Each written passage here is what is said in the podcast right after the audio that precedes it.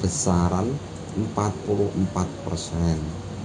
Dampak pandemi melanda dunia, khususnya di Kabupaten Pekalongan, tergambarkan dalam beberapa indikator aspek kesejahteraan masyarakat yang tidak tercapai ke depan perlu upaya maksimal dari segenap stakeholder Kabupaten Pekalongan.